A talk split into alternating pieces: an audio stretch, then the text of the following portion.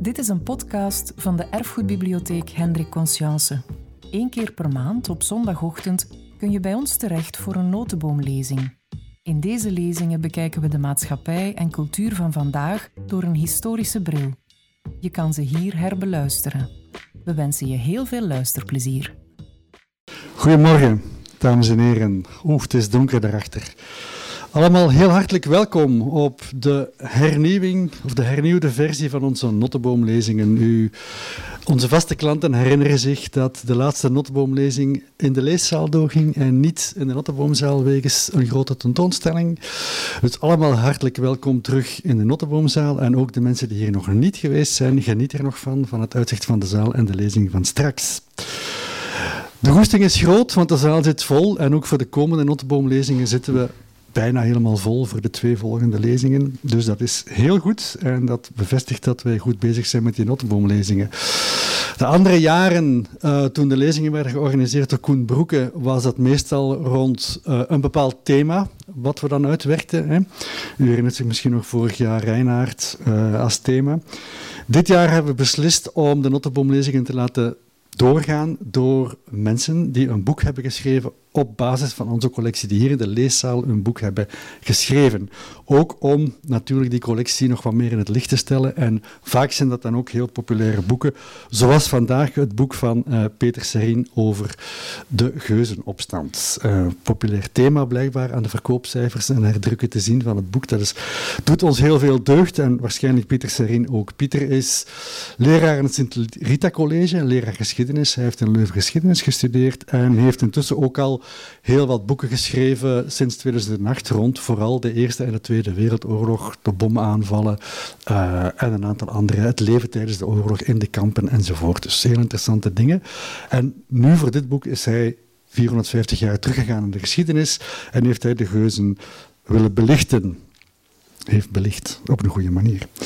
Uh, er zijn natuurlijk wel wat andere boeken, zowel fictie als non-fictie, daarover verschenen. Hè. Ik denk bijvoorbeeld aan De Legende van Uilenspiegel van Charles de Koster, fictieboek, of het laatste boek van Louis Paul Boon, hè. Uh, het Geuzenboek, hè, dat, uh, dat ook veel gelezen geweest is, waar je ook een geschiedenis van die geuzen krijgt, van die opstand, maar op een zeer fictieachtige manier. En natuurlijk een heel ander ding dan een uh, breed wetenschappelijk werk zoals dat van Pieter Serin. Pieter heeft trouwens ook, dat heb ik nog vergeten te zeggen, uh, is meeoprichter van, de, van het, uh, het Geheugencollectief, een soort van geschiedkundig studie- en adviesbureau dat vandaag nog bestaat, maar waar hij vandaag geen um, geen deel meer van uitmaakt. Ik wil even nog de koppeling maken met vandaag en met onze bibliotheek. Hè, want het boek gaat over de geuzenopstand. En wat je daarin ziet is dat mensen ergens een gerechtvaardigd belang hebben. Zie je vandaag terugkomen. Gerechtvaardigd belang, in dit geval godsdienstvrijheid. Willen onze godsdienst beleven zoals wij dat willen. Daar komt dan van de machthebbers of mensen met de heersende visie een tegenreactie op. Dan krijg je weer een tegenreactie van de andere kant, van die mensen met een gerechtvaardigd belang. En dan komen die extremen aan bod. De extremen komen aan bod. Iedereen wordt onverdraagzaam naar elkaar toe. En de mensen die willen bemiddelen, die willen compromissen zoeken, die willen een oplossing bedenken, die worden eigenlijk door die twee kampen meegesleurd in een soort van onverdraagzaamheid. Zij kiezen geen partij, ze willen bemiddelen. En die worden dan vaak ook onthoofd in die tijd, hè, of verbrand in die tijd. Vandaag doen we dat niet meer zo. We gaan dit nu cancelen. Uh, dat doet mij ook denken aan het belang van deze bibliotheek, waar we eigenlijk vanuit een heel neutraal standpunt proberen zo objectief mogelijk, zoveel mogelijk informatie, vooral over geschiedenis enzovoort, te verzamelen. Waardoor dat auteurs zoals Pieter Serin zich ook kunnen inspireren op basis van alle mogelijke feiten, alle mogelijke opinies, alle mogelijke meningen, alle mogelijke kennis. En dat maakt natuurlijk zo'n boek zo mooi. En je ziet dat ook. Pieter heeft uh, ook een aantal dingen die in het algemeen werden aangenomen. Hè, de, de, de, de gruwel van de Spaanse furie bijvoorbeeld, hè, komt ook aan bod in zijn boek natuurlijk. En uh, waar dat wij vroeger altijd dachten, die slechte Spanjaarden hebben alleen maar vermoord en gebrand en verkracht. En dan zie je dat daar toch ook soms nuances bij kunnen gesteld worden. Pieter, ik geef graag het woord aan jou, want de mensen zijn voor jou gekomen natuurlijk en niet voor mij. Uh, misschien nog voordat ik naar beneden ga. Uh, ja, ik hoop dat iedereen zijn gsm heeft afgezet, zoals we dat mogen verwachten. Uh, en iedereen, dan, dan kan iedereen mooi horen wat Pieter vertelt, zonder onderbreking. En ik wil op voorhand nog, want dan moet ik dat straks niet meer doen, dan kunnen jullie meteen naar de receptie, naar de vragenronde. Mijn mensen bedanken die hier aan hebben meegewerkt. Hè, dus Leni en Koen, uh, Jamina en Els, die straks ook op de receptie zullen zijn. Hartelijk bedankt voor de organisatie en de goede vlotte verloop ervan. Uh, natuurlijk Pieter Serin zelf en iedereen die vandaag weer aanwezig is en ons eer bewijst door hier te zijn. Pieter.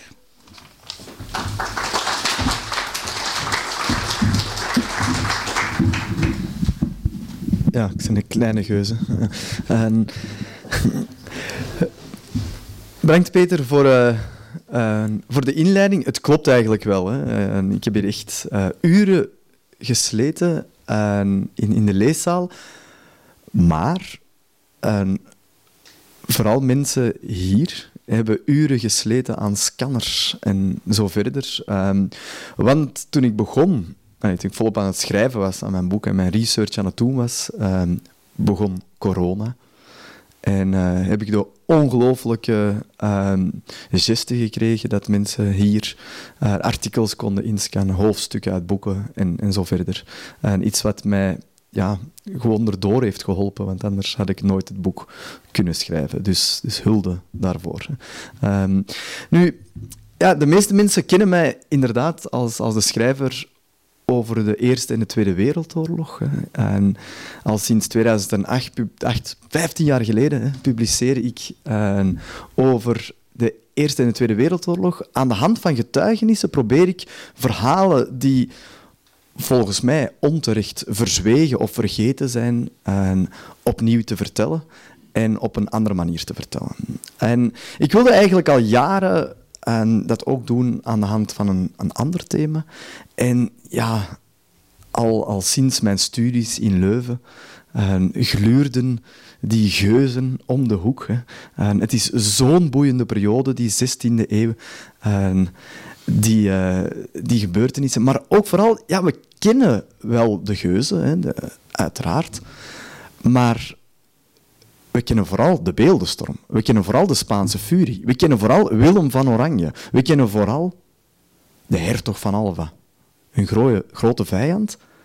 Maar wie zijn eigenlijk die geuzen? Wie zijn die geuzen? Wie zijn die bosgeuzen? Wie zijn die watergeuzen? Dat wilde ik eigenlijk weten. En een, een goede vijf jaar geleden ben ik begonnen schrijven. Hè. En een jaar geleden heb ik deze foto kunnen maken in de laatste. Hè. Schrijfnacht, hè. een traditie om toch een biertje te drinken, dit, ditmaal. Hè. Een, een, een, geus. Hè. Een boom dan ook nog eens. Hè. Uh, dus dat, dat zat goed. Hè. Nu, het, het was niet gemakkelijk. Hè. ja, ik werk altijd met getuigenissen. Interviews zijn om duidelijke redenen niet haalbaar. Hè. Dus ja, je moet je teruggrijpen naar, naar dagboeken, naar verslagen, brieven, folterverslagen, liederen, printen. En, en het viel me eigenlijk op dat ik er ja, ik heb er ook heel lang naar gezocht en, en met heel veel specialisten over gepraat. Maar ik vond er veel. Bijvoorbeeld, ik heb heel lang gezocht naar een verwijzing, stond er ergens, naar een dagboek dat zou geschreven zijn door een militair in die hele opstand. En dus iets heel interessant, maar er stond anoniem dagboek van 1565 tot 1588. Dus, dus erg boeiend. En nergens stond duidelijk waar dat het uh, bewaard was. Uiteindelijk had ik het gevonden via allemaal ja, kleine... In de 19e eeuw zijn er heel veel uh, historici en archivarissen geweest die ja, de boeken die hier rond je ziet, hè, uh, zijn beginnen inventariseren. maar ook de manuscripten daarbij. En ja, eigenlijk gebeurt daar soms te weinig mee.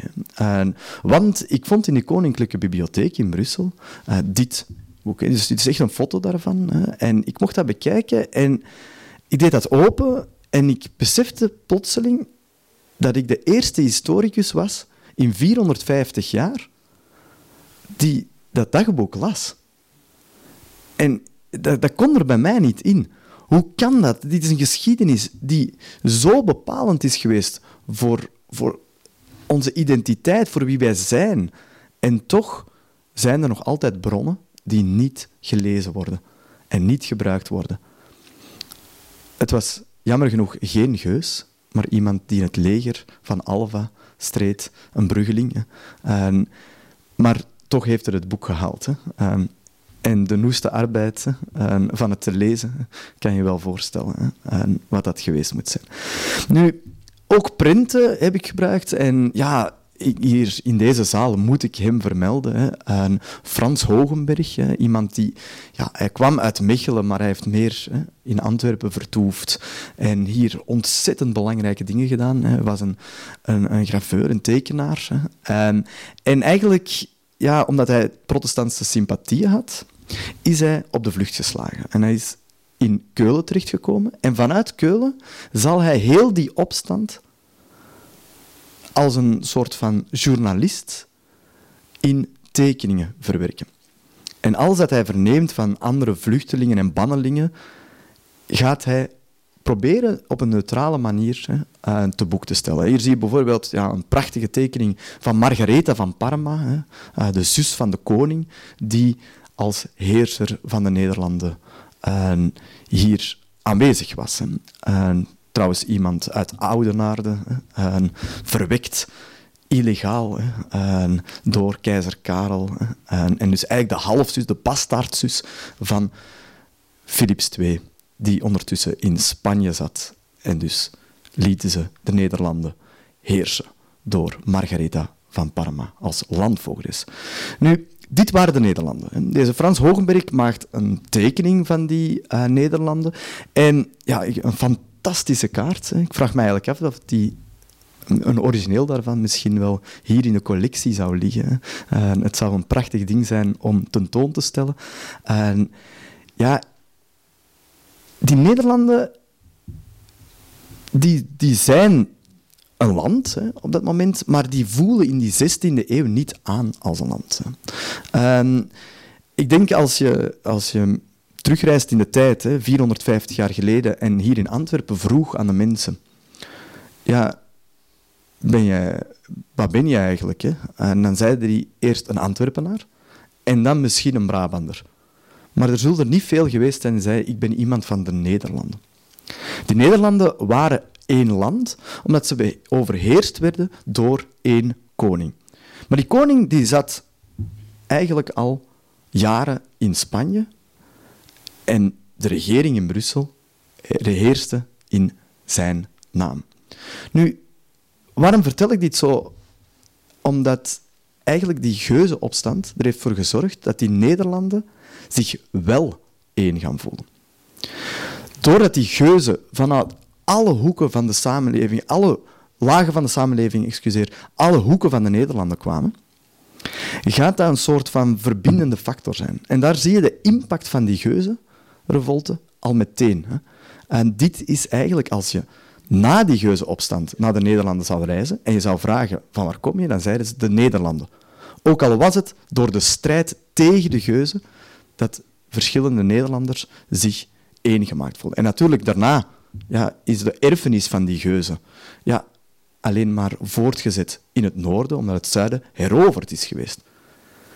Maar toch is die opstand zo bepalend geweest voor onze geschiedenis. En daarom wilde ik weten wie dat die geuzen waren. Wie zijn die mensen, mannen en vrouwen, die ons zo hebben bepaald. Die hebben zo bepaald wie wij zijn.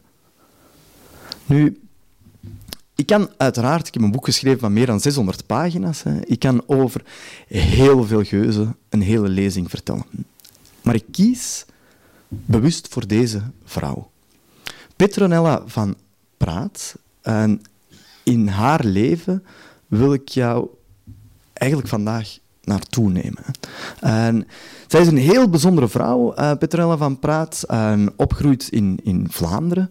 En ik noem haar de moeder der geuzen. En dat zal wel duidelijk worden deze middag waarom. Nu, zij is ten eerste een vrouw. En ten tweede ook iemand die in die geuzenopstand een bepalende rol heeft gespeeld, maar eigenlijk totaal vergeten is door onze geschiedenis. Dus ik wil haar vooraan op die historische bühne zetten. Nu, je kan dat als historicus. Hè? Uiteraard. Ik heb duizenden kandidaten om in mijn boek naar de voorgrond te schuiven. Ik kies er bewust voor om bepaalde personen die een ander beeld schetsen van die geuzenopstand naar voren te brengen. Nu, waarom is Petronel van Praat zo interessant voor mij? Um, zij is geboren in 1501. Dat betekent dat zij één jaar jonger was dan keizer Karel. Toen de geuzenopstand begon in 1565, was zij dus 65 jaar. Waardoor dat zij een totaal andere geus was. En zij was niet zoals... Eigenlijk was zij de moeder van de geuzen, omdat haar kinderen de leeftijd hadden van de meeste geuzenopstandelingen. En nu, als je denkt 1501, zij was dus... Nee, allez, die, die, die is negen jaar later geboren dan de ontdekking van Amerika. In 1501 wisten ze net dat het een nieuw continent was. Zij was 16 jaar toen Luther zijn bekende stellingen op de kerkdeur van Wittenberg nagelde. Zij is een generatiegenoot van keizer Karel. Zij had de moeder kunnen zijn van Margaretha van Parma. Nu, in 1566 vinden we helemaal in het begin van dat jaar een eerste spoor terug van, Mar eh, van Petronella van Praat. Uh, nu, dit is haar kasteel. Hè. Zij is op dat moment al tien jaar een weduwe. En tien jaar eerder was haar man, Herman van Bronkhorst en Batenburg, gestorven. En op dat moment hadden ze zeker zeven kinderen.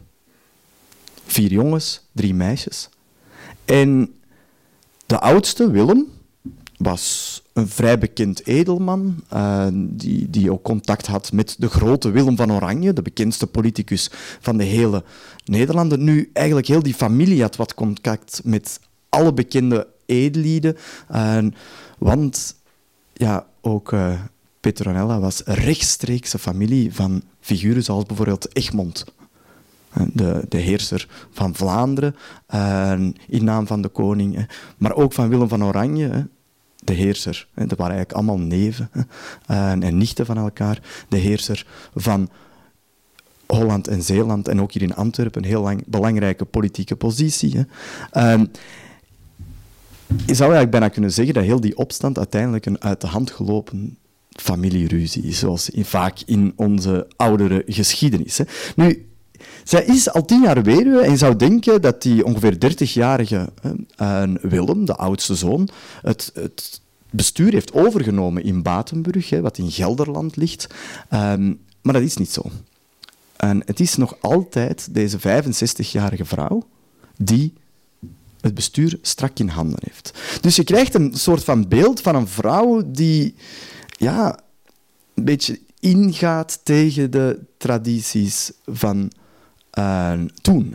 Uh, die zelf de macht blijft houden en die duidelijk een goed contact heeft met haar kinderen, want anders hadden die dat niet laten gebeuren. En ze schrijft een brief. Ze schrijft een brief aan haar stadhouder. Hè. Dus ik had verteld dat Margarethe van Parma de heerser was over de hele Nederlanden, maar elk van de verschillende Nederlanden, elke provincie, had een eigen stadhouder. Dat was eigenlijk een soort van ja, minister bijna voor dat gewest. En in Gelderland had je dat bijvoorbeeld ook. Hè. Willem van Oranje was een stadhouder, Egmond was een stadhouder. En dat waren de, de regeringsleden. En ze schrijft aan haar stadhouder, dus haar rechtstreekse overste, een antwoord op een brief die hij had geschreven. We zijn begin 1566 en het gaat eigenlijk al een tijdje niet meer zo goed in de Nederlanden. De grote bloei, dankzij de ontdekkingsreizen en zo verder, is voorbij. Er is economische crisis, er is ellende, er is oorlogsdreiging. En er is net een extreem harde winter geweest. Zo hard dat de Schelde toevriest. En dat er een ijsschots van 10 meter hoog zich boort in de. Nu, wij Antwerpenaren in het begin denken wij, oh, groot feest. Hè. Ze organiseren een week lang een markt in het midden van de Schelde, hè, kan je je voorstellen. Maar dan ja, blijkt dat er geen eten meer komt, hè. Geen, geen graan meer uit Scandinavië, want ze kunnen gewoon niet meer op het water. Er breekt de pest uit, hè. er is ellende, mensen ja, verhongeren letterlijk in de stad. Dus het gaat niet goed hè, in de Nederlanden. En bovendien ja, is er al, al jarenlang gemor, voornamelijk over de situatie van de protestanten in de Nederlanden. Het protestantisme is op dat moment al, al, al tientallen jaren aanwezig. Het is een minderheid van de bevolking, maar bijvoorbeeld hier in de stad, ja, omdat ja, handel doet je contact opnemen met heel veel verschillende mensen. Je kan niet tegen iemand zeggen, jij bent anders denkend of anders gelovig, dus ik zal geen handel met je voeren. Dan ga je ook niet veel uh, goede economische uh, business hebben. dus hier is ontzettend veel protestantisme. Heel veel sympathie daarvoor. Maar onder leiding van Philips II, de hele katholieke koning die in Spanje zit, wordt eigenlijk geregeerd met harde hand. Het is het katholicisme dat het enige haalbare is. Hè. Iemand die in de stadsmuren openlijk het protestantisme beleidt, die kon voor zijn leven vrezen. En dat is de situatie waarin zij haar brief schrijft.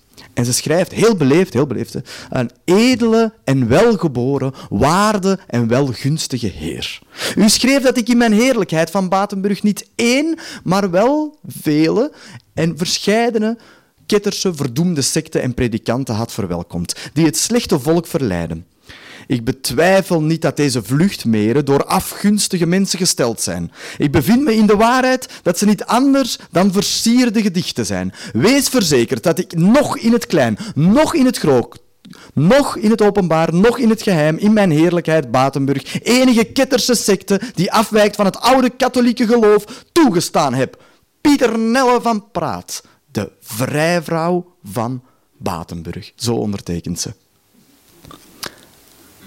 een flagrante leugen, wat ze hierop schrijft. Al jaren zet ze de deur open voor protestanten. Al jaren is er iemand, een vaste gast, aan haar tafel. En dat is Herman Modet. Hier in Antwerpen wel bekend, maar is eigenlijk iemand uit Zwolle. Was, groeide op in een heel arm milieu, was dan priester geworden maar had dan de katholieke kerk de rug toegekeerd en was overtuigd Calvinist geworden.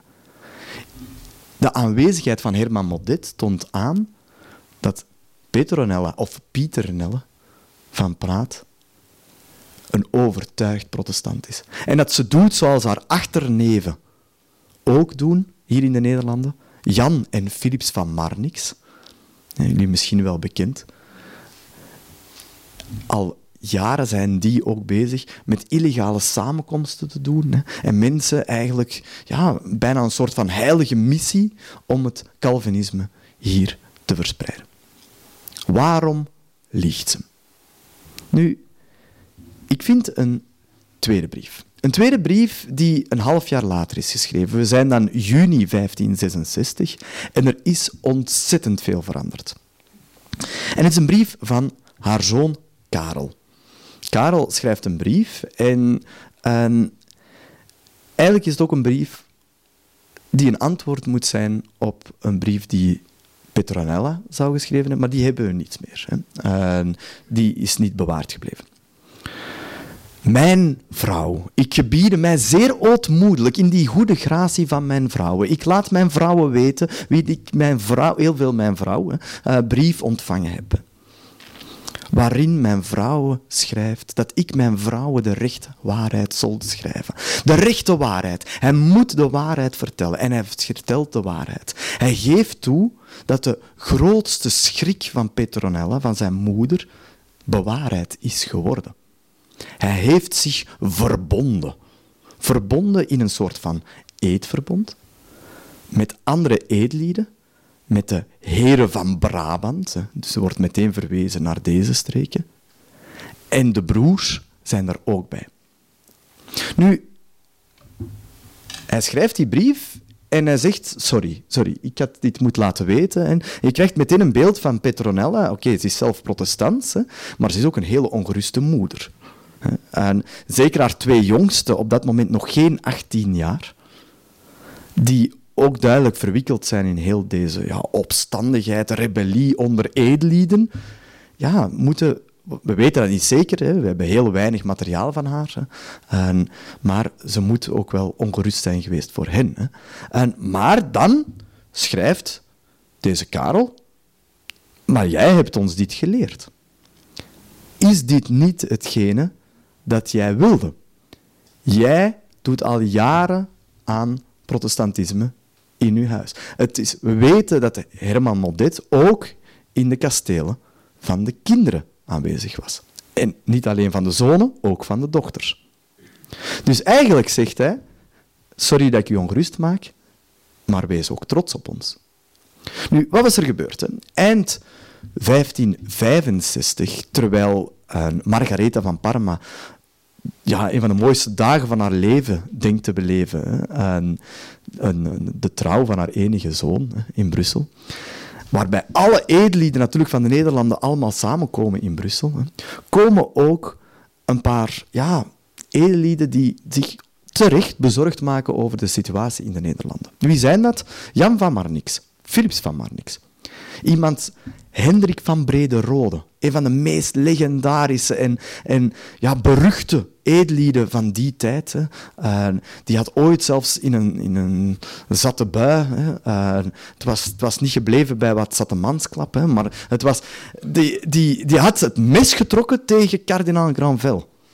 En gedreigd dat hem diens katholieke nekje eens een keer uh, ging doorsnijden. Uh, dus je zit daar met iemand hè, met een imago hè, dat wel waar je u tegen kan zeggen. En die komen allemaal naar Brussel en die beginnen een, een soort van ja, clubje te vormen, laten we het zeggen. En, en ze noemen dat heel snel het Eetverbond der Edelen. En honderden edellieden gaan dat eetverbond ja, lid daarvan worden en, en, en dat ondertekenen. Uh, ze maken een soort van compromis waarbij dat ze oproepen om um, eigenlijk de, de vervolging van de protestanten te stoppen. Maar ook om meer macht te krijgen voor de edellieden zelf, de politici van die tijd. Hè.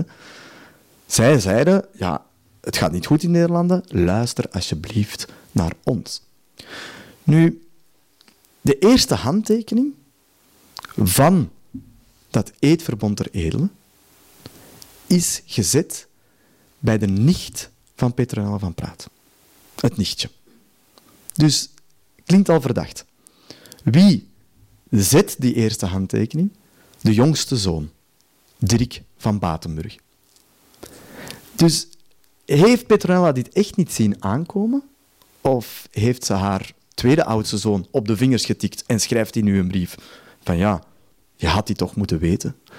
Nu, deze eedlieden, dit eedverbond, hè, dat allemaal heel officieel is en, en op zich ja, niet zo heel veel betekent tot nu toe, hè, um, gaat in april 1566, en daar verwijst Karel ook in zijn brief naar, hè, een, een smeekschrift afgeven. Met heel veel show gaan ze dat doen in Brussel, op het paleis van Koudenburg. Hè. Vandaag bestaat dat niet meer, ik kan de resten er nog van onder de grond bezoeken. En ja, hoe moet je dat voorstellen? Honderden edellieden komen in hun beste kostuum hè, naar Brussel en ze gaan in, in, in rang gaan ze naar dat paleis. Hè. En, en, heel Brussel komt buiten, want er is iets te zien. Hè. En dat zijn, ja, dat zijn bekende figuren. Hè. En al meteen is het duidelijk dat er zo ja, wel een statement gemaakt wilt worden. Dus het gaat niet alleen over 400 lagere lokale edellieden die, die duidelijk iets willen doen. Hè. En, maar ze voeren ook wel een klein beetje een show op. Het gaat niet alleen over hun, hun beste kostuum waar ze in verschijnen, maar je hebt uiteraard protocol, hè, dat weet je. Hè. En normaal gezien zou de hoogste edelman, hè, dat was minstens die Hendrik van Brederode, maar eigenlijk eerder Lodewijk van Nassau, de broer van Willem van Oranje, een, een, graaf, dus dat, dat, die zou vooraan moeten lopen. Wat hadden ze gedaan? Die hadden expres de laagste edelman, een of andere schofele artesier in, in, in gescheurde kledij, en die liep ook zo heel langzaam die trappen op, en hadden ze eerst laten lopen. Dus al heel bewust zijn ze een beetje aan het prikkelen. En die komen daar aan in de ontvangstzaal. En die staan daar met hun, hun, hun 300, 400. En Hendrik van Brederode leest hun smeekschrift voor. De voltallige regering is daar aanwezig, staat rond. Hè. Dus Willem van Oranje die, die ziet zijn eigen broer dus aankomen. Hè. wie is daar nog? Egmond bijvoorbeeld. Hè. Die, dat zijn al die figuren, dat zijn de regeringsleden, dat zijn de belangrijke mensen. En Margarethe van Parma luistert naar het smeekschrift. Hè. En in dat smeekschrift wordt gewoon opgeroepen voor tolerantie. Tolerantie tegenover het andere soort christendom. Ze willen dat de vervolgingen stoppen. Nu, we weten ook uit de brief van Margaretha van Parma dat, ehm, ja, dat zij als landvoogdes wel degelijk goed genoeg wist hè, wat er echt speelde. Hè. Dat uiteraard veel van die edellieden zelf protestants waren, maar dat ze eigenlijk ook een beetje ja, opstandig waren tegenover de verregaande centralisatie die al jaren bezig was. Deze lokale edellieden die hadden heimwee naar de macht van weleer.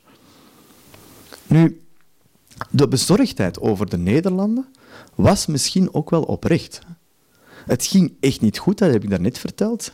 En er was net een tweede bittere winter geweest. Nu, achteraf is dit het begin van de zogenaamde kleine ijstijd. De kleine ijstijd is een gebeurtenis die terecht vandaag veel meer aandacht krijgt. Een, een eeuw lang zal wereldwijd de temperatuur dalen met 2 graden gemiddeld.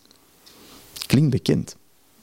Waardoor samenlevingen ontwricht geraken en dat er bittere armoede, honger en ellende ontstaat, waar radicale stemmen veel gemakkelijker door gehoord worden. Nu, zij gaan dat smeekschrift indienen. Dat dat wordt officieel ontvangen met heel veel show. Uh, gaat Hendrik van Brederode zijn hoed afnemen. Hij doet een buiging, een pirouetje en hij is weer weg. En dan elk van die honderden edellieden doet hetzelfde, hetzelfde showke.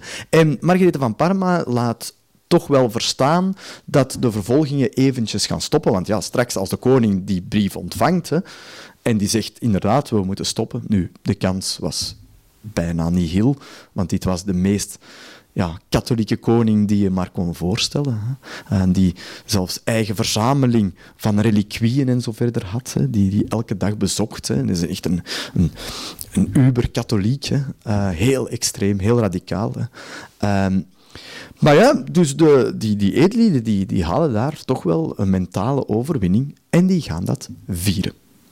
Dus wat doen die edellieden? Die gaan samenkomen in een, in een stadspaleis van een van hen. Hè. En met hun honderden beginnen ze daar van s morgens vroeg, hè, dus ze zijn nu al bezig, hè, beginnen die daar, ja, ik moet het zeggen zoals het is, te zuipen en te eten. Wat een beetje cynisch is als je denkt dat ze eigenlijk opkomen hè, voor de rechten en de honger, eh, eh, tegen de honger en zo verder. Hè. En dat, dat feest is daar bezig hè, en, en plotseling gaat Hendrik van Brederode recht staan. En hij eist het woord, hè, deze ja, toch wel leider een beetje. Hè, en, en hij spreekt de, mensen aan, de, de heren die daar aanwezig zijn. Hij zegt, iedereen heeft gehoord wat Karel van Berlaymont, een van de meest conservatieve regeringsleden die daar ook aanwezig was, in, in, de, in de zaal waar ze hun smeekschrift hadden afgegeven. Iedereen heeft gehoord wat Karel van Berlaymont heeft gefluisterd tegen Margarethe van Parma toen wij ons smeekschrift afgaven. Hij had gezegd, Madame, n'ayez pas peur, ce ne sont que des gueux. Mevrouw, je moet geen schrik hebben. Het zijn maar schooiers. Het zijn maar bedelaars. En Hendrik van Brederode zegt, ah wel, ja, wij zijn keu. Wij zijn bedelaars. Wij zijn geuzen. En die ziet daar een houten kom staan hè, en een karaf wijn. En die zegt, kijk, hier is mijn bedelkommetje, mijn bedelnap. En hij vult die met wijn en hij roept, vive le gueux en hij drinkt die ad fundum leeg. En dan komt plotseling zijn page aangelopen hè, met, een, uh, met een bedeltas die hij van god weet welke echte Brusselse bedelaar gesjoept heeft. Hè. En die, Hendrik van Brede, Rode, die doet dat om en, en die bende wordt daar zot. Hè. Dus dat wordt daar een, een, ja, een, een, de geuzennaam is geboren. En we weten eigenlijk niet dat, dat Karel van Berlemont dat echt heeft gezegd. Hè. Uh, het enige dat we weten van verschillende bronnen is dat dat feest er is geweest hè, uh, en dat die geuzennaam zo ontstaan is. Maar hoe geniaal is het? Hè? Hoe ja, propagandistisch perfect beeld schets je. Hè? Politici die opkomen voor de gewone Nederlanders, die zich dan ja, als, als bedelaars, zelf letterlijk gekleed gaan. Hè? Bijvoorbeeld de, de neef uh, van, van die Hendrik van Brederode was, was de heer van Lumme. Lumme werd hij genoemd, Willem van der Mark. Ook zo een legendarisch figuur. Het zijn eigenlijk die twee die zo'n beetje uh, de, de beruchtste politici waren van hun tijd. Hè. Ja, werd wel eens een keer het tweede, want zijn overgrootvader had ooit de prinsbisschop van, uh, van Luik vermoord. hij werd het zwijn van de Ardennen genoemd. Ja, dat kan wel tellen. Hè. En die liep altijd rond met een vossenstraart op zijn hoed. En, en die vossenstaart die had hij zo gezegd afgesneden van de grote vos, de sluwe vos, de kardinaal. En zijn volgelingen, dus twintig man, die gingen dan zo achter hem. Die hadden ook allemaal kleine vossenstaartjes. De kerk. Hè. Uh, dus echt gewoon in your face. Een, een, een, soort van statement. En, en uh, die, die ging eens langs bij een, uh, een Franciscanenklooster en die ging daar bij die bedelmonniken. Heeft hij gewoon twintig pijen uh, gepikt. Hè. En die liep dus gewoon rond door de Nederlanden hè, met zijn twintig volgelingen, allemaal verkleed als bedelmonnik. Uh, anderen gingen echt letterlijk zoveel kleding aandoen. Hè. Ehm, sommige vrouwen deden bijvoorbeeld zo een eh, een, een oorbellen met bedelnapjes. Hè. natuurlijk had je de bekende geuzenpenning, ook in houten hè, uh, versie, zodat armere mensen het ook kunnen kopen. Eigenlijk zie je dat iedereen zo'n beetje ja, die, die geuzen gaat omarmen. Hè. Van alle uithoeken van de Nederlanden beginnen de mensen hun steun voor die geuzen uit te spreken. En je ziet een evolutie van een groep edellieden die opstandig zijn, naar heel snel een soort van volksbeweging. Een volksbeweging en waarbij ja, bijvoorbeeld dat hebben we nog gezegd, bijvoorbeeld mannen gingen een, een, dikke vette snor laten groeien. En in die tijd werd dat een Turkse snor genoemd. En ook Karel schrijft dat in de brief naar, naar Petronella. Ehm, schrijft hij, ja, ik leef liever onder de Turk, onder de moslims, dan onder de papen, onder de katholieken. En dat was een beetje het statement met hun prachtige uh, beharing onder de neus. Hè. Uh, dus ze, overal krijg je een soort... Ja, ja, er is een soort van opstandigheid in de Nederlanden, precies al een tijdje aan het broeden was. En dat wordt daar een volksbeweging. Hè. Ook heel veel katholieken sluiten zich aan bij die geuzen. En ja, dat, dat zorgt voor een vreemd sfeertje in combinatie met zo die belofte van eventjes te stoppen totdat er een antwoord is uh, van de koning met de vervolging. En mensen komen meer en meer uh, naar buiten en, en, gaan zich outen als uh, protestanten. Er creëren ook heel veel predikanten, zoals uh, figuren zoals Guido de Bree, um, die, die terugkeren naar de Nederlanden. Pieter Dateen, dat zijn ja, voor mensen die veel kennen van het protestantisme, heel bekende figuren, die keren terug naar de Nederlanden uit ballingschap. En die beginnen daar ja, op te treden. Hè. En je, je, je moet je dat voorstellen, hè. in het begin komen die daar samen, buiten de stadsmuren uiteraard, hè. en er komen een paar honderden mensen luisteren naar hoe zij uit de Bijbel in het Nederlands, hè, uh, daaruit lezen en dat samen bestuderen, psalmen zingen en zo verder. Hè. Maar al heel snel lopen die, lopen die ja, illegale samenkomsten een beetje uit de hand, omdat er ja, duizenden mensen naartoe komen. Hè. Zoals zie je hier hè, op het Kiel, hè, waar dan waarschijnlijk meer dan 10.000 mensen aanwezig waren, om figuren zoals die Herman Modet hè, te spreken. De jongste van Petronella van Praat, en als, als Karel zijn brief schrijft, dat weet zij op dat moment waarschijnlijk nog niet, is gewoon zelfs de assistent van die Herman Modet geworden. Hè, en trekt samen met Herman Modet door de Nederlanden om overal mensen op te roepen om protestant te worden en eigenlijk die geuzenbeweging te steunen.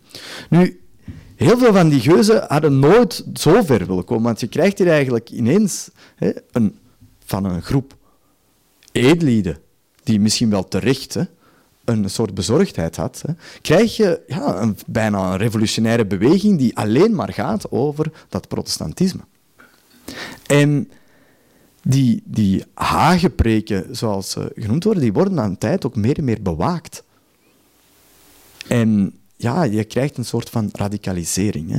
De geuzen komen ook nog samen in Sint-Truiden om proberen een antwoord te formuleren. En, en je ziet daar dat er al scheurtjes komen. Hè. Bijvoorbeeld Lodewijk van Nassau, de broer van Willem van Oranje, die probeert zo wat op te schuiven richting de Duitse protestantisme, hè, dat wat gezaggetrouwer is en wat minder radicaal. Hè.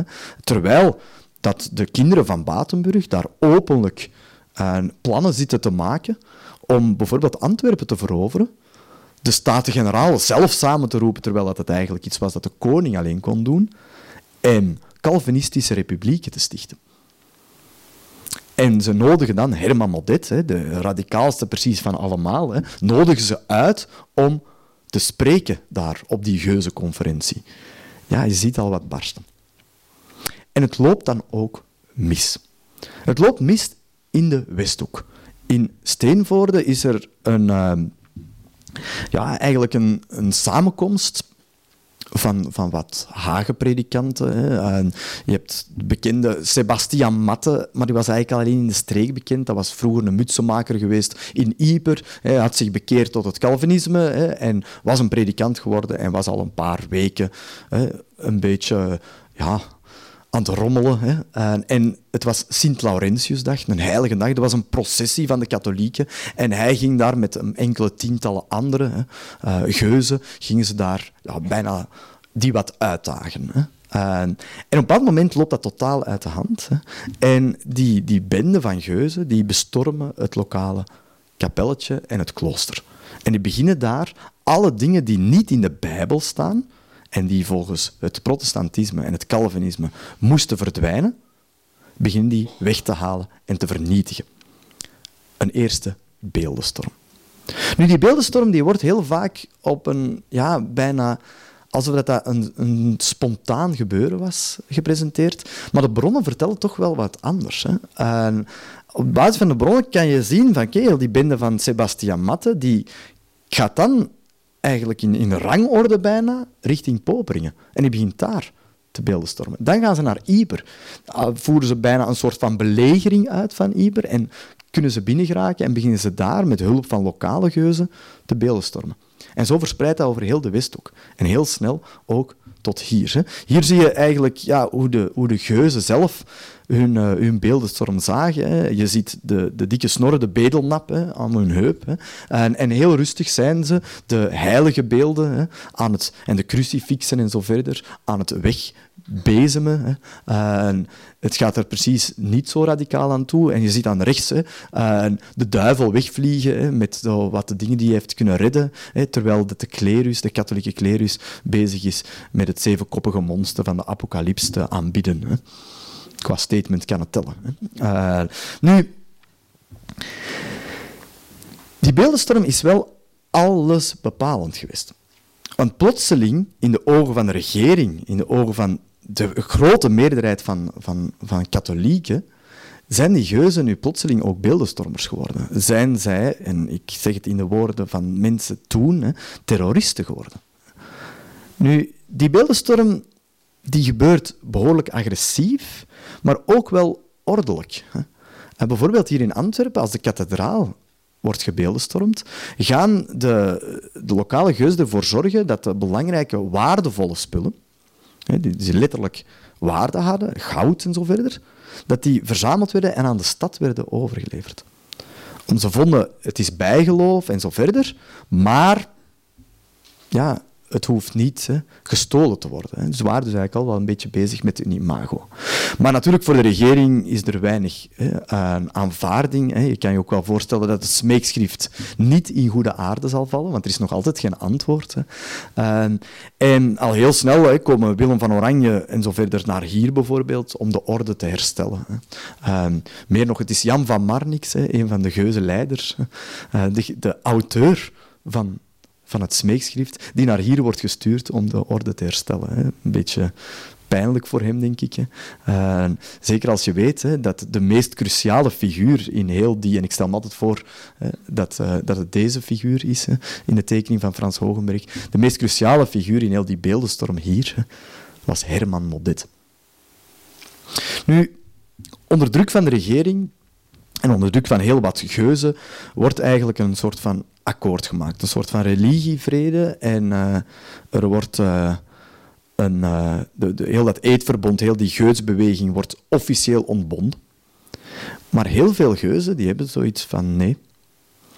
Philips van Marnix kruipt in zijn pen en schrijft een vurige verdediging van die beeldenstormers. Dat ze gelijk hadden. Dat alle aspecten die niet in de Bijbel staan, dat die inderdaad weg moeten. En dat de protestanten, hij dus, eigenlijk recht heeft op een gezuiverde kerk.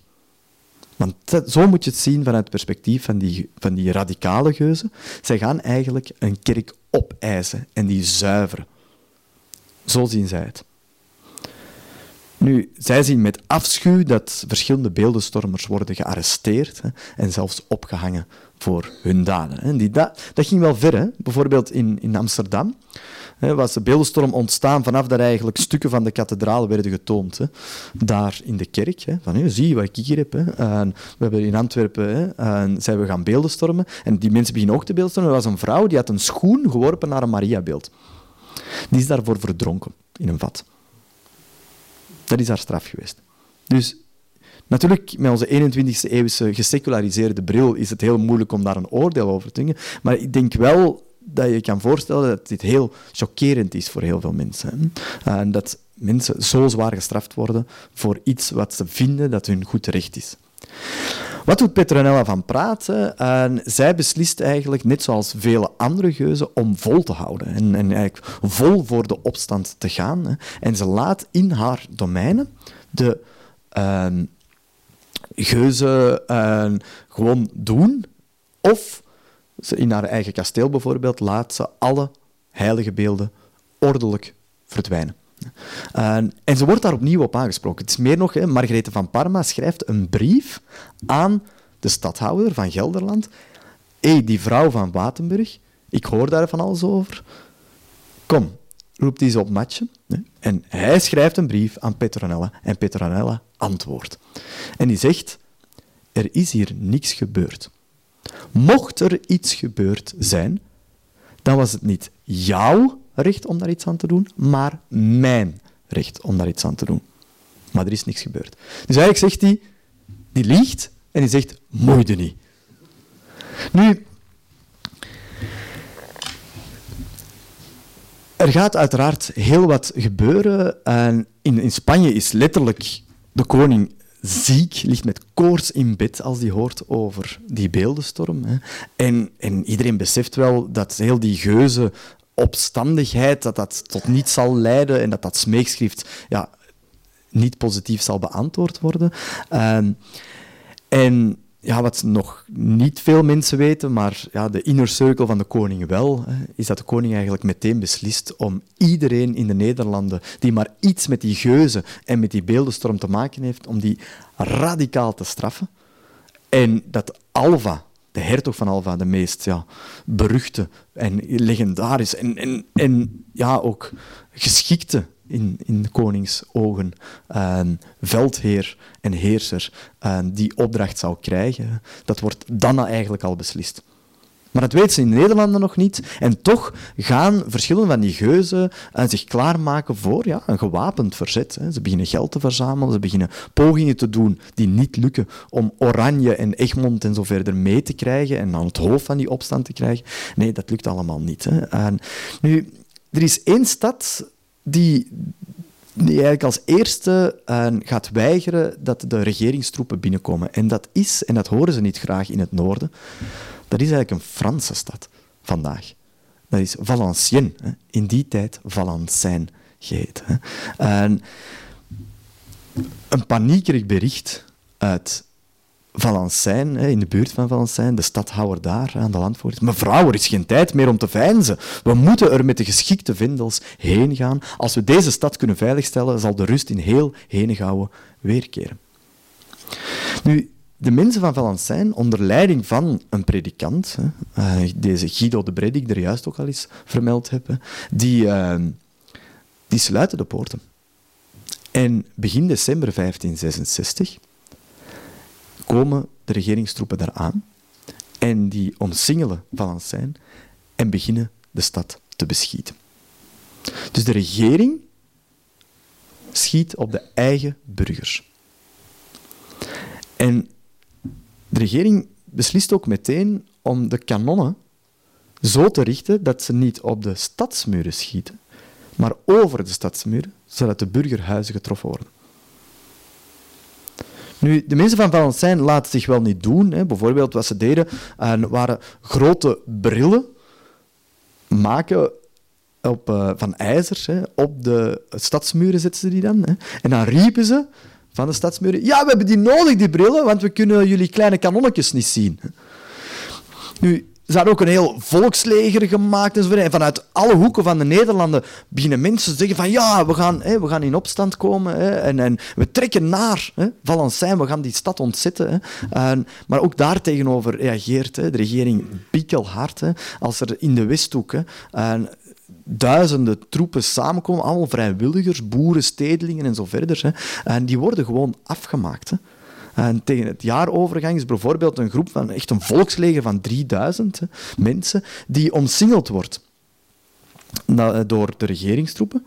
En die eigenlijk in de richting van een, een begraafplaats, een kerkhof, worden geduwd. En daar willen ze... Dus, ja, dat kerkhof was helemaal omheind. Hè. Die had eigenlijk één poortje. Hè. Dus die geuzen die vluchten allemaal door dat poortje. Maar daardoor ontstaat er een flessenhals. Hè. En aan die flessenhals stonden ze gewoon te schieten. Dus dat was gewoon een hoop lijken. Hè. Degenen die konden ontsnappen, een drie, vierhonderdtal, die klommen in het kerkje, aan dat kerkhof. En dat kerkje werd gewoon gebarricadeerd en in brand gestoken.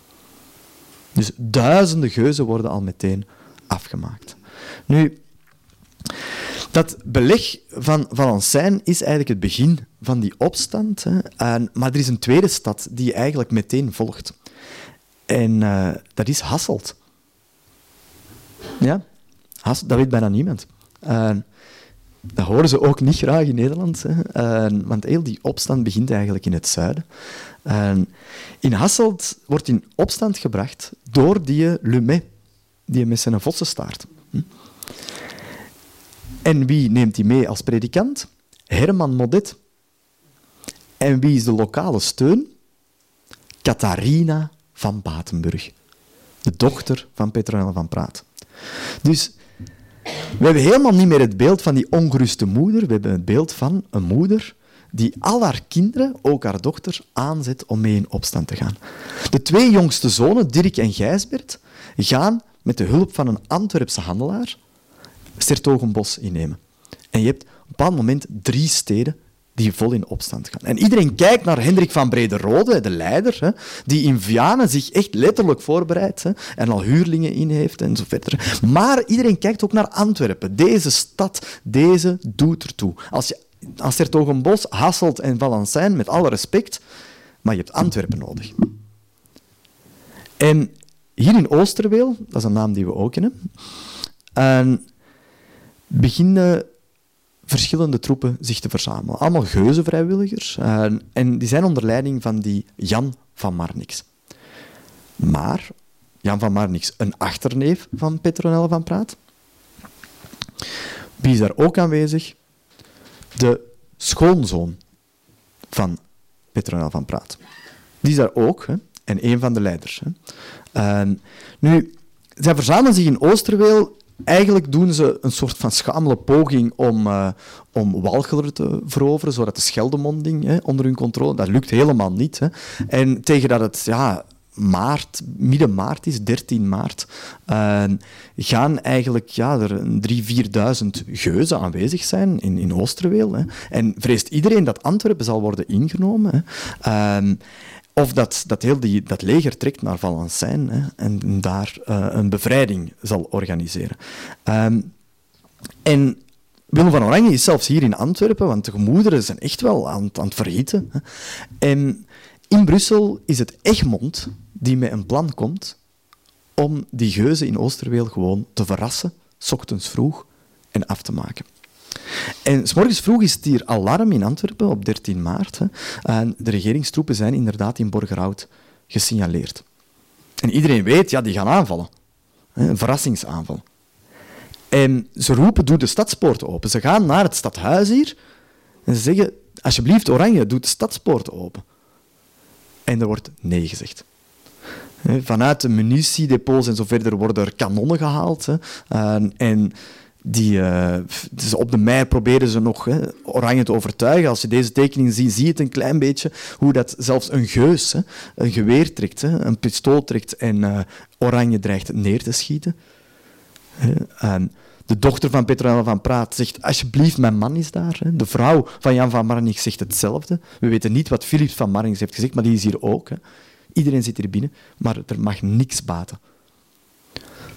De poorten blijven toe en van op de stadsmuren zien ze hoe dat het regeringsleger bij het opkomen van de zon richting Oosterweel trekt. We weten dat de mensen in Oosterweel dachten dat er versterkingen aankwamen en niet op tijd reageerden en ze worden gewoon overrompeld. Die duizenden geuzen die worden gewoon koelbloedig afgemaakt. Ze worden de Schelde ingedreven en daar nog verder beschoten. Jan van Marnix ligt uiteindelijk op de grond, zwaar gewond. En hij wordt, ondanks dat hij zich eigenlijk wilde overgeven en iemand van adel was, die heel gekend was, werd hij gewoon doodgestoken met twintig messteken. Geen genade. Een paar dagen later, na een verschrikkelijk bombardement, valt Hasselt. Sertogenbos wordt verlaten door de twee jongsten van Petronel van Praat. En een week later valt ook Valencijn. De hele geuzenopstand is mislukt. Nu, Petronel van Praat, we weten natuurlijk niet hoe dat zij echt reageerde. Ik denk dat ze in enorme treurnis was van het verlies van haar schoonzoon, hè, uh, die gestorven was in Oosterweel. Uh, van Jan van Marnix, hè, toch een, geliefde neef. Hè. Uh, nu, we weten wel dat ze op Palmzondag in een van hun familiekastelen de hele familie, het hele gezin samen heeft geroepen. En dat is wel bijzonder. Hè? Ze komen samen in dat familiekasteel, want er is blijkbaar wel wat te bespreken. Het enige dat we weten dat er echt gebeurd is daar, is dat het uh, testament van de vader, die al tien jaar dood was, hè, werd voorgelezen. Hè.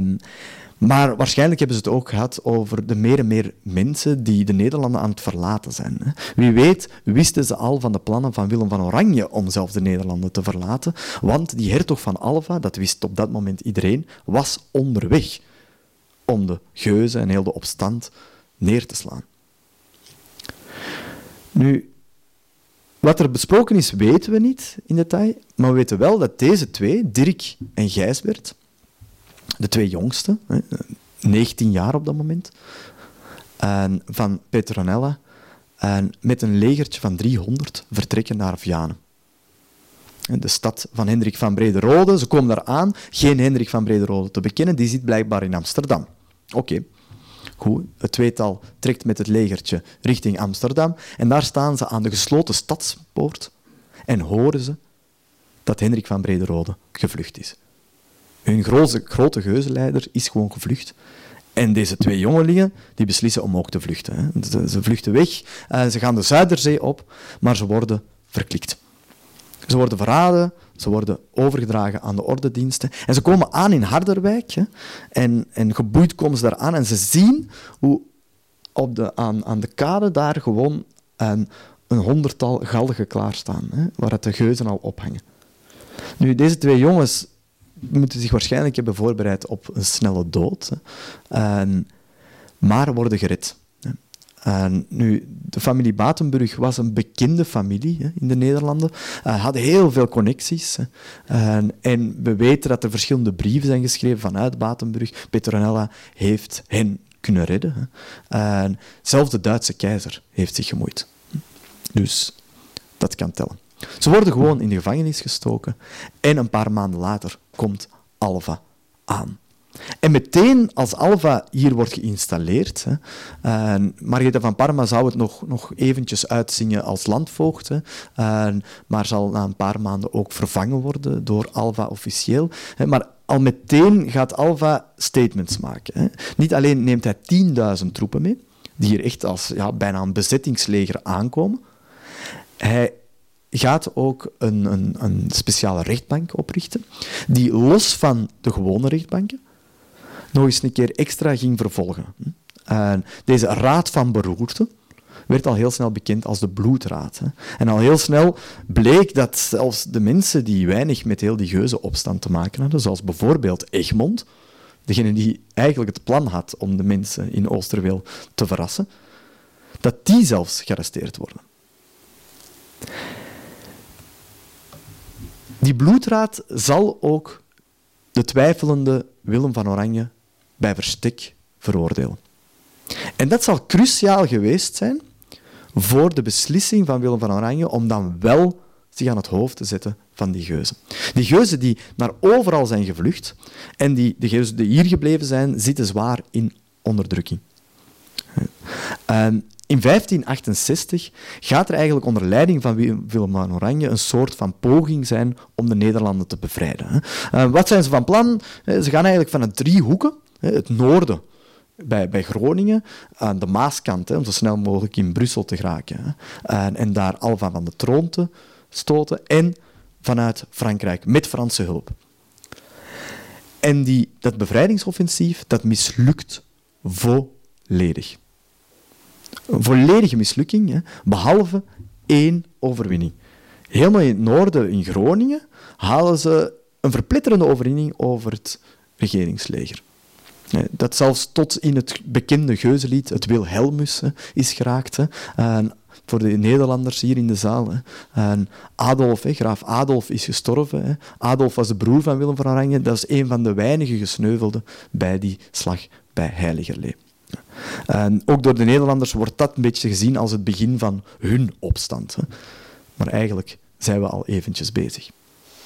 Nu, die overwinning is wel super bepalend. En, want oké, Oranje en de Geuzen zijn verpletterend verslagen. Maar Petronel van Praat moet daar enorm mee ingezeten hebben, want haar twee oudste zonen vechten mee in het leger. En haar twee jongste zitten gevangen. Haar dochters zijn paria's geworden. Dus ja, moet waanzinnige angst geweest zijn voor haar. Die brief zegt heel veel in het begin. Hè. Was duidelijk een angstige moeder. Hè. Dit, dit alle angsten worden bevestigd. Maar Alva is ook enorm geschokt. En dat, dat zijn sterke leger, het sterkste leger van, van, van heel Europa, verslagen is. en hij neemt wraak. En Alva's toren is, is enorm. Hè. Hij tekent eigenlijk het doodvonnis, hè. en je ziet het, van de gevangen gezeten edellieden. En op 1 juni, dat is, twee dagen na die veldslag, die enige overwinning van de Geuzen, uh, worden de broers Dirk en Gijsbert, uh, twintig jaar, worden uh, geëxecuteerd in Brussel. ze worden blootvoets en zonder hoed, schamel gekleed, worden ze geboeid afgevoerd, hè, met nog andere edellieden zij proberen nog iets te zeggen. Hè. Ze proberen wat psalmen te zingen, hè, Calvinistische teksten uh, te proclameren, zodat ja, in hun laatste woorden ze toch nog iets hebben kunnen doen. Maar de trommelen gaan zo luid, expres natuurlijk, dat niemand hen hoort. Dan worden ze onthoofd. Hè. Blijkbaar is er net voor de onthoofding nog iets gezegd tussen Gijsbert en Dirk. Hè. Uh, Gijsbert, de oudste van de twee, die moest het eerste sterven. En Gijsbert zou gezegd hebben tegen Dirk, ook al weten we dat niet, hij is dat misschien in een halve geuze hagiografie terechtgekomen. Hè. maar Gijsbert heeft blijkbaar gezegd tegen Dirk, ik vind het jammer dat jij mij moet zien sterven. Maar we sterven voor de goede zaak, zoals we geleerd hebben. Wij sterven, ons leven hier op aarde, dat is kort. Maar hierna gaan we naar de hemel, want wij zijn mee uitverkoren. En eeuwig is ons leven daar en eeuwig is lang. Ze worden onthoofd, hun hoofden worden op staken gestoken. En dan en worden hun lichamen in ongewijde aarde ergens buiten Brussel begraven, half begraven, zodat de ongedierte ervan kan eten. En probeer je dan voor te stellen hoe, dat, hoe moet dat geweest zijn voor, voor Petronella. En helemaal alleen in dat grote kasteel van Batenburg. En ja, haar, haar familie, hè, veel van haar gebieden zijn ook hè, onder bedreiging van, van uh, ja, eigenlijk opeising door, door de regering, omdat ze rebellie had gepleegd. Hè. Haar twee jongsten worden geëxecuteerd. Ze leest die namen, hè, helemaal bovenaan hè, uh, werd, werden die twee vermeld. Hè. Uh, haar twee oudsten zitten opnieuw in ballingschap. Hè. Uh, zijn mee aan het vechten met Willem van Oranje, maar er lukt niks. Hè. haar twee dochters zijn eigenlijk paria's. En, en dan ja, dat nieuws hè, over die, die twee jongste zonen. Nu, we, we weten niet veel natuurlijk van Petronel, we kunnen ons alleen in inleven, hoe deze zestiger dit moet hebben beleefd. Uh, maar we hebben wel een geuzenlied hè, over, uh, over die broers van Batenburg.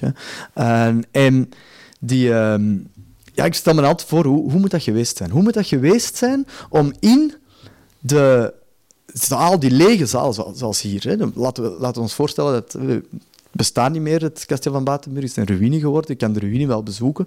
En, maar hoe ze daar moet geweest zijn. Een prachtige zaal zoals deze.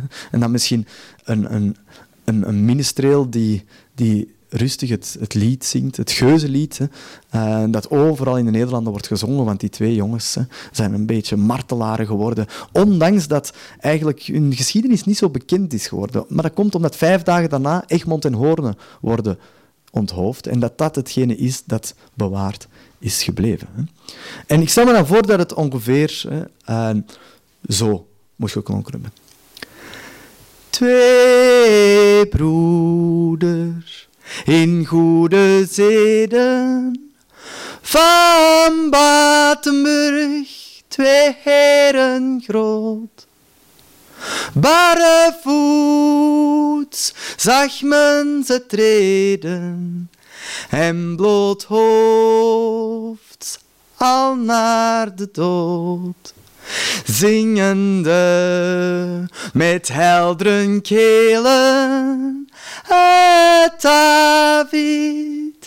de zesde psalm. Straft mij niet, o Heer, in velen. Tot God kwam hun liedergalm. Vrijmoedig in het openbare aanriepen zij hun schep groot. De trommelen gingen alle garen en sloegen daar al akkoord. De jongste begon te treuren, hij liet zo menig traan, omdat het niet mocht gebeuren dat die lieden hem konden verstaan. Zoiets. En misschien vond ze daar troost in. Nu, in de, volgens mij, maar in de herberg, hè, waar de broers van van de Batenburgers, hè, dat, die, dat die aanwezig waren, hè, of in, in de kampementen van hun leer, daar klonk het anders volgens mij. Hè. Daar, dat was geen treurlied, daar was het, dat waren helden, die waren gestorven voor de goede zaak.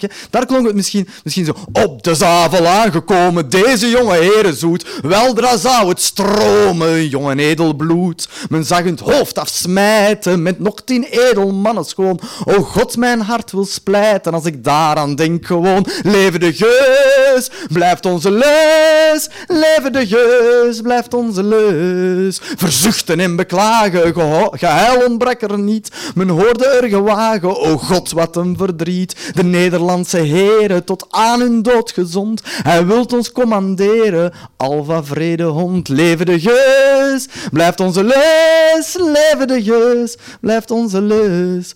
Want ze hielden vol. Hè? Die geuzen die hielden vol, ondanks dat ze werden vernietigd. Hè. Nu, het mocht niet baten ondanks hun moedige liederen, ondanks hun strijd, worden ze constant verpletterd. En samen met Oranje moeten ze afdruipen. En de Nederlanden vallen onder die heerschappij van Alva. Nu, Alva is een heerser die eigenlijk ja, zonder genade hè, die geuzen kapot maakt. Hè.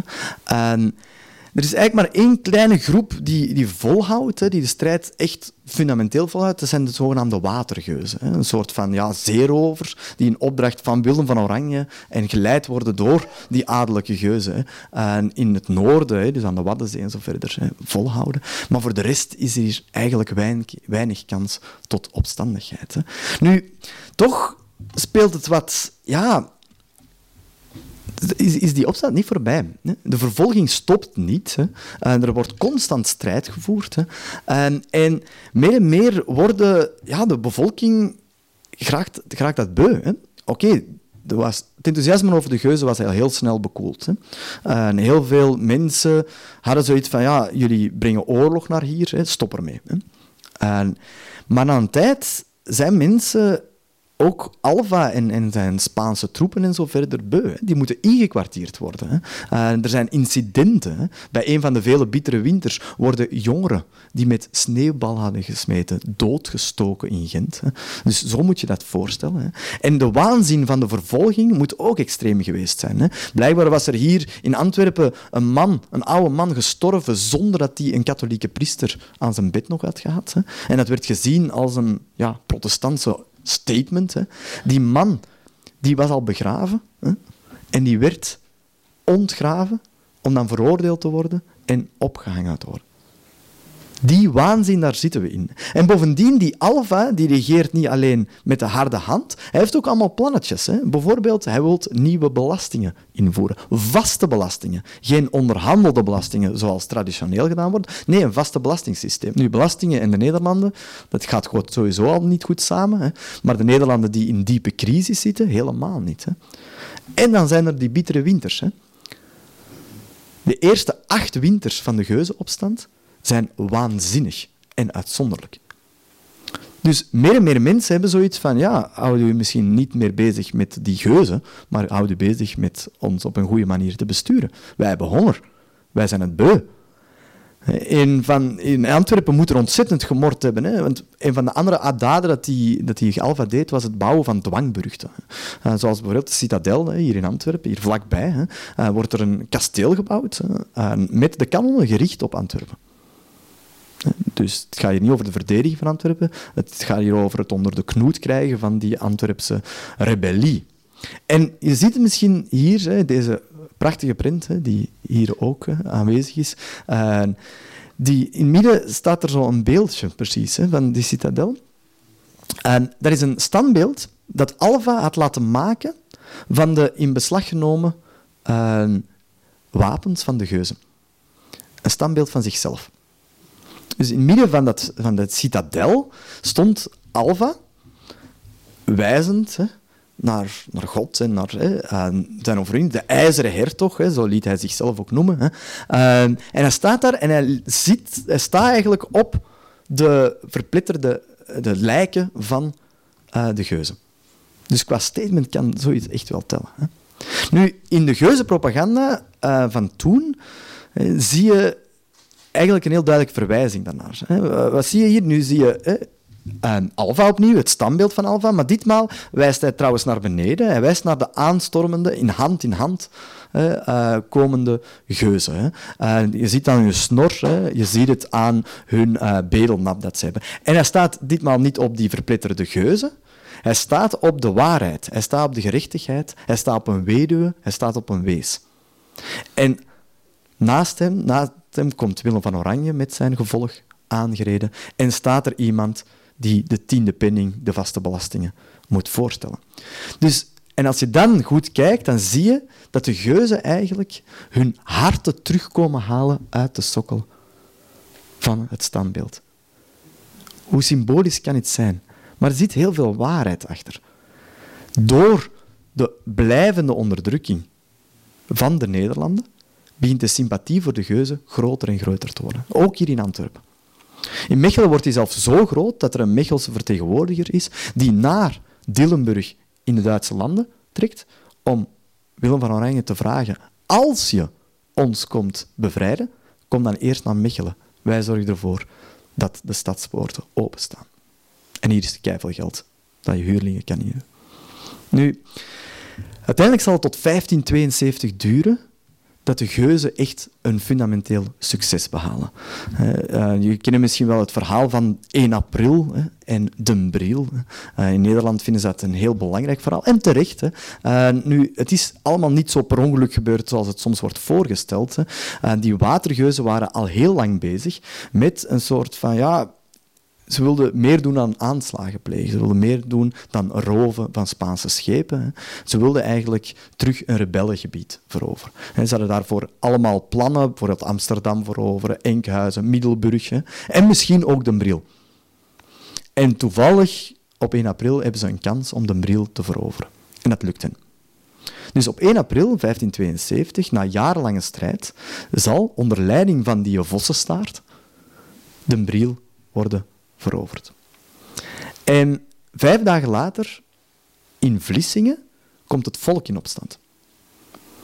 Eigenlijk, een volk komt in opstand tegen de beslissing van Brussel om nog extra troepen naar Vlissingen te sturen. En Vlissingen moest daarvoor ophoesten. Dus eigenlijk een, een opstand die ja, wel vertrekt vanuit opstandigheid, hè, maar niet rechtstreeks met die geuzen te maken heeft. Dus je hebt een volksopstand, gedragen door het volk, en de geuzen die voor de eerste keer een gebied in handen hebben.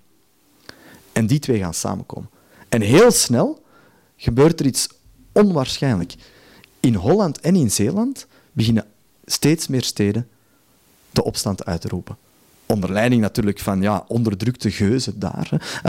maar het, het lukt ook de regering niet om daar een statement tegen te maken. De, de stadhouder was vroeger altijd Willem van Oranje geweest, die is natuurlijk ontslagen.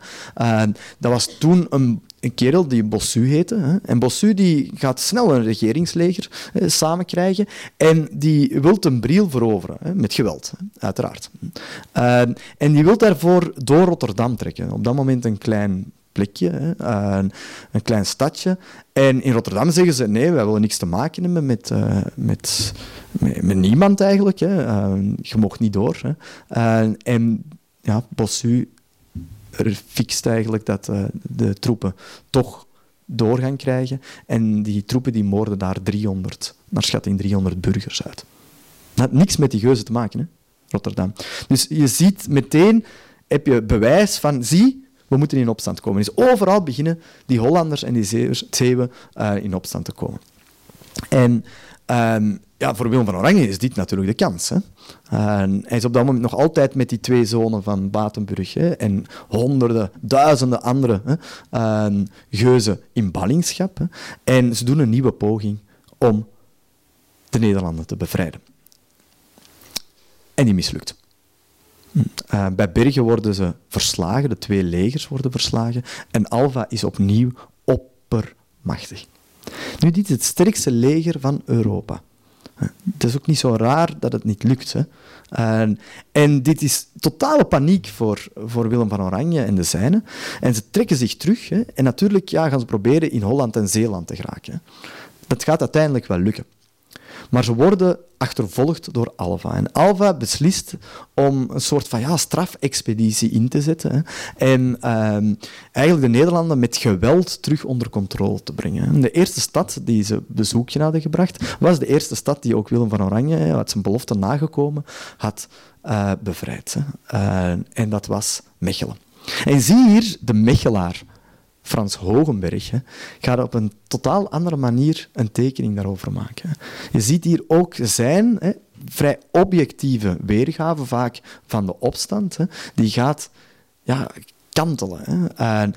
Want Mechelen, ja, er zijn nog een paar stoere geuzen die op de stadsmuren wat, wat liederen zitten zingen en psalmen zitten proclameren. Maar ja, Mechelen gaat gewoon de, de, heel braaf aan Alva de sleutel geven en zeggen, ja, wij geven ons over. Hè. Alva komt met zijn leger binnen en laat daar drie dagen lang plunderen en moorden. Mechelen wordt verkracht, er wordt gemoord, er worden katholieke kerken geplunderd. Hè. Je kan het je niet voorstellen. En de volgende stad is Zutphen. Daar worden geen burgers vermoord, hè, uh, maar wel de lokale geuzen afgemaakt. Hè. En dan trekken ze richting Holland. Hè. Uh, dat koninklijk leger richting Holland. En het eerste stadje dat ze daar tegenkomen is het kleine vestingstadje Naarden, hè, met een goede duizend inwoners. Hè. Um, en in Naarden, hetzelfde als, als in Zutphen en in, in, in Mechelen, die geven zich over.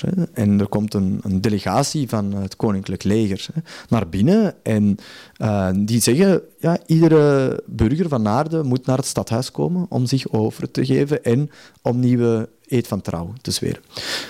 Er wordt door, door 600, 700 mensen dat, dat gedaan. Hè. En die verzamelen zich daar op het plein hè, en in het stadhuis. En wat ze niet weten is dat de Spanjaarden ondertussen over de muren waren gekomen. En die worden daar allemaal één voor één afgemaakt. Naarden, het is ondertussen ook beginnen sneeuwen voor weer al een bittere winter. Hè.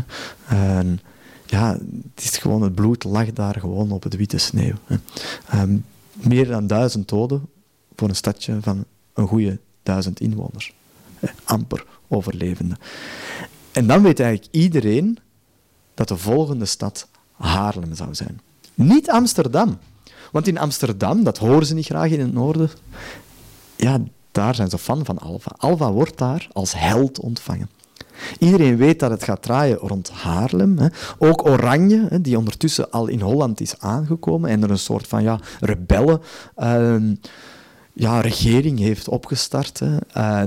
die, die stuurt meteen Philips van Marnix hè, richting, richting Haarlem, want iedereen weet, ja, dat is strategisch superbelangrijk. Hè. Dat ligt eigenlijk tussen Noord-Holland en Zuid-Holland. Stel dat Haarlem valt, ja, dan, dan hebben we geen communicatie meer hè, tussen die twee opstandige gebieden. En ja, Philips van Marnix, samen met andere geuzenleiders, die proberen Haarlem te laten volhouden en de poorten niet te laten openen.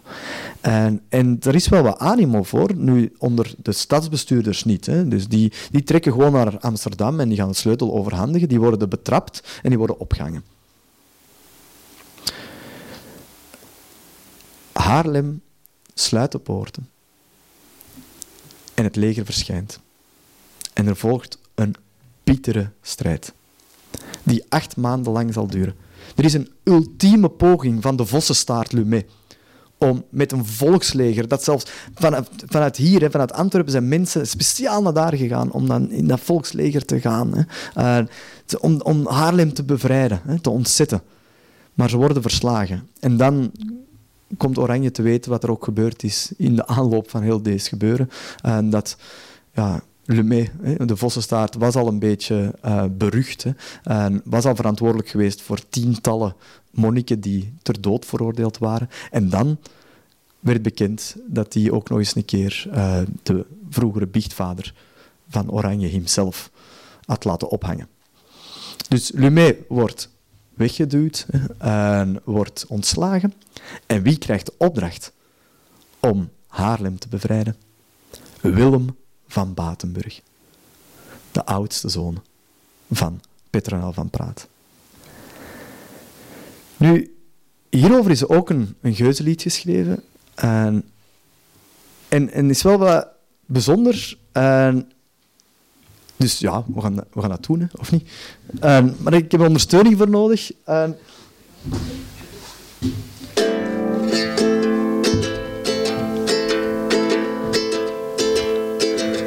Dus ja, het begint met het moment dat de troepen onderweg zijn en er discussie is in het stadhuis van Haarlem. Gaan we de poorten openen of niet? En dan zijn er enkele geuzenleiders, Philips van Marnix, uh, die zich verzetten tegen het idee om de stadspoorten te openen. Duc d'Alve zond drie getrouwen voor Haarlem, die stad valiant of zij de stad opgeven wouden of we eisen de stad te zwaarten te brand. Toen sprak een burger van waarde, wij hebben van zijn genade gehoord aan die schamele burgers van Naarden, die zijn o deerlijk vermoord. Man, vrouw, kind, men sloeg alle dood die van Zutphen deden. Open de poort, men wou ze in genade ontvangen, maar zijn geslagen en gehangen. De stad gaan wij niet opgeven, sprak die moedige geuzenluitenant. We willen haar bewaren van koningswegen en geven ons in Gods hand. Vive le geus, dat blijft onze leus. Slaat op de drommelen van dierendom dus. Nu hoor ik mensen al denken, allee Serien, dierendom dus. Hij wil te rijmen. Hè? Nu, het is een echt geuzenlied, maar die dierendom dus komt eigenlijk uit een ander geuzenlied. Hè? Weet je nog, helemaal zo in het begin, uh, als Valencijn en Hasselt de enige waren die in opstand waren, was er in Delft een kerel die uh, met zijn trommeltje op het plein ging staan en een trommellied speelde om mensen op te roepen om mee te gaan strijden, om in Oosterweel te gaan verzamelen. Hè. Uh, van eh. Vive le geus, dat blijft onze leus. Hè. Uh, slaat op de trommelen van dierendom dijnen, dierendom. Ah ja, die man is daarvoor opgehangen en daarna verdronken in een vat. Hulde aan hem. Hoort de mensen nu ter tijd, gij die de Spanjaard gunstig zijt, gij wenst hem alle vrede, meent gij daardoor te zijn bevrijd. Zijt gij zo slecht man en vrouw, meent gij dat dat u baten zou, dat men u katholieken noemen, zoals Bossu, die is gekomen. En nam Rotterdam met geweld. Wie heeft hij van de geus vermeld of naar geloof doen vragen? Toch werden lieden doodgeslagen. Spiegelt u aan Mechelen in Brabant, zij kwamen ongewapenderhand de Spanjaard tegemoet gegangen. Wat loon hebben die ontvangen?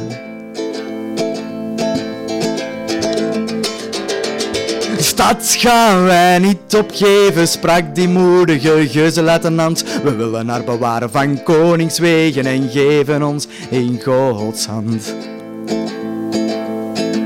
Vive le dat blijft onze leus. Slaat op de trommelen van dierendom dus.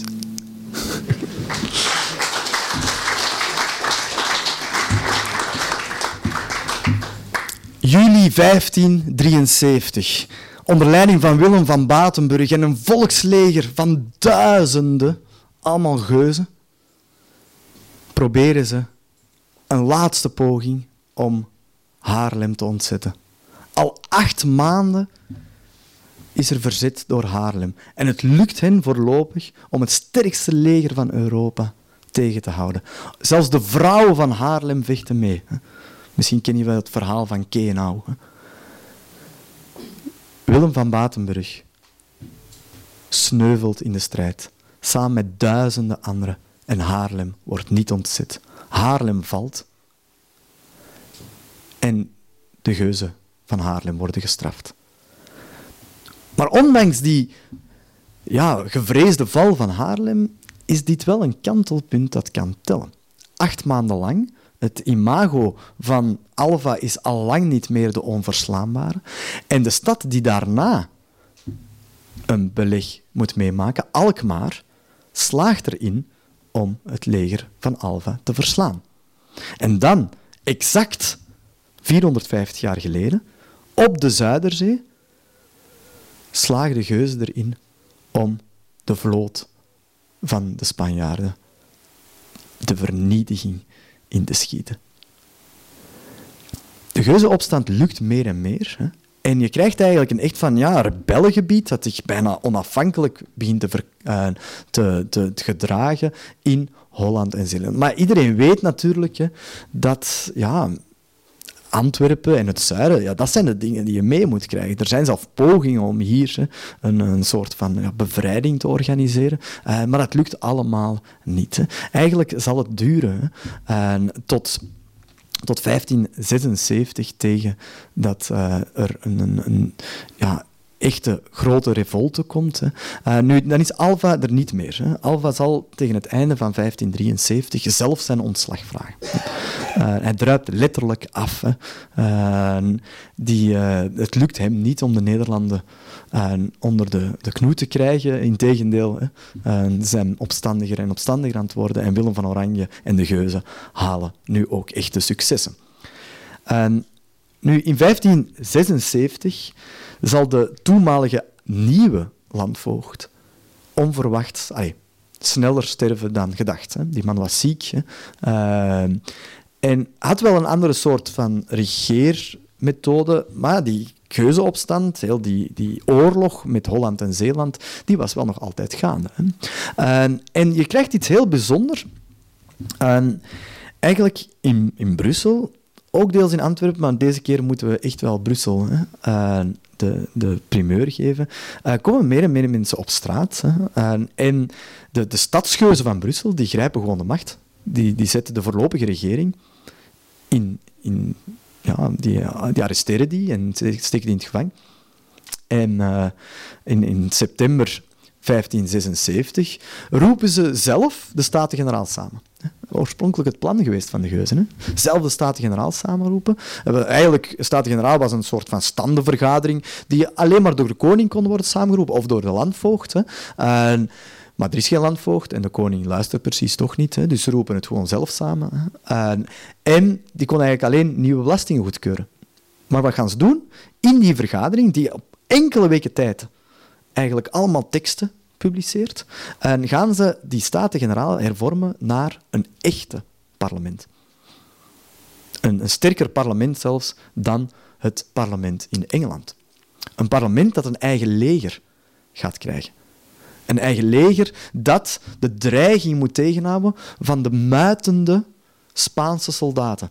Want die Spaanse soldaten die zijn meer en meer aan het dreigen met brutaal geweld. Ze hebben zelf een heel gebied ingenomen in Aalst. Nu, er is ook wel begrip voor de Spaanse soldaten, want ze zijn ondertussen al twee jaar niet meer betaald geweest. Uh, dus het is echt gewoon wanbeleid. Hè. Maar die dreiging is wel heel concreet. Hè. Hier in Antwerpen begin je meer en meer mensen te vrezen voor de toekomst. Want je hebt de citadel. Hè. En daar vind je meer en meer duizenden hè, Spanjaarden samen te komen en, en zich agressief te, te tonen. Hè.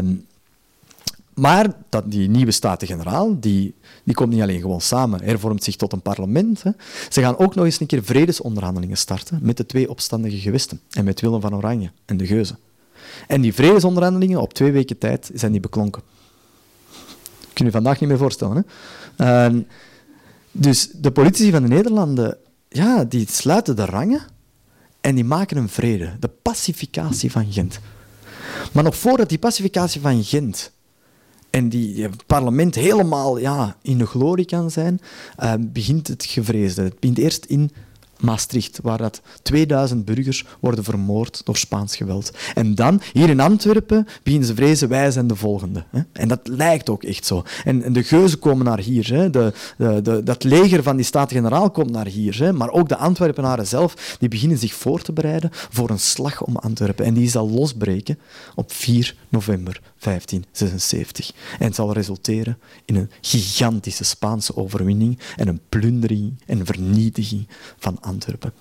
Met duizenden doden. Hier zie je daar een beeld van. Het coverbeeld van de, het boek is er ook van. Het stadhuis wordt in brand gestoken, de burgemeester wordt vermoord.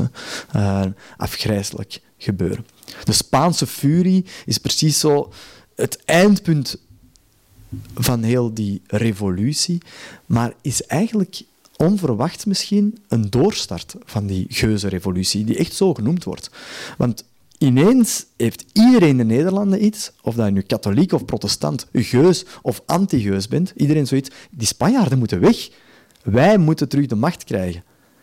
En die, die, die Staten-Generaal, die pacificatie, die lukt eigenlijk. En nu, het verhaal gaat nog verder hè, en, en je krijgt eigenlijk een geuze opstand die lukt, die heel snel ook zal terug mislukken. Hè. Maar dat is niet voor deze middag. Uh, je probeert na te denken, hoe moet dat geweest zijn voor die Petronella? Is die trots? Ze heeft dan terug de macht. Hè. Is, die, is die in treurnis? Hè, want haar drie zonen zijn dood. Hè. Uh, haar, oudste haar, tweede oudste zoon, Karel, de briefschrijver, hè, zal uiteindelijk ook nog vermoord worden door een Spanjaard. Hè. Dus ze verliest haar vier zonen. En dan probeer je voor te stellen dat die op haar 93, want zo oud wordt ze. In 1594 sterft ze. En op haar 93 moet ze toch hebben teruggedacht aan deze geuzenrevolutie. Hè? En, en misschien moet ze, moet ze gepreveld hebben eh, de, de laatste strofe van dat, van dat uh, geuzenlied over die Dirk en Gijsbert, hè, die daar onthoofd waren. En dat, dat, laatste strofe, misschien heeft ze dat gebruld met haar laatste adem. Hè. En dat gaat... O, dalf met uw genoten, zijt gij niet zat van bloed, dat gij hier hebt vergoten, voor steden schoon, heren goed. Al met uw bloedige tanden, als Farao en Jezabel, komt gij in deze Nederlanden als Herodes, kwaad en fel. Hangen, moorden, branden, ontlijven, al met spoed. Dus komt gij met Babel ter schande, al om onschuldig bloed. In 1594 sterft Petronella van Praat. En ze verdwijnt uit de geschiedenis. Bijna geen enkele geschiedenisboek, en er zijn er veel geschreven over de opstand, vermeldt haar. Er is geen één tot nu een boek. Wel een heel belangrijk artikel voor mij als inspiratie geweest. Hè. Van uh, Nina Valkeneer en, en Violet Soen. Hè. die haar wel die, die plaats vooraan op de historische bühne geeft. Hè, en die ze volgens mij, en misschien ook volgens jullie, wel verdient. Hè. Nu, dus, dus ja, er is ook er is geen geuzenlied over haar. Uh, er is geen ultieme hulde die, die zij heeft gegeven, ook al is haar impact ongelooflijk groot geweest, hè, via haar kinderen. Maar ja, mogen die moeder, de geuze, dat ontzeggen? Nu, omdat er geen is, heb ik er zelf een geschreven. Je voelde het al aankomen, hè? ik dacht het al. Dus we sluiten deze middag af in deze prachtige zaal uh, met een geuzenlied uh, op basis van bestaande geuzenliederen, weliswaar, uh, over Petronella van Praat.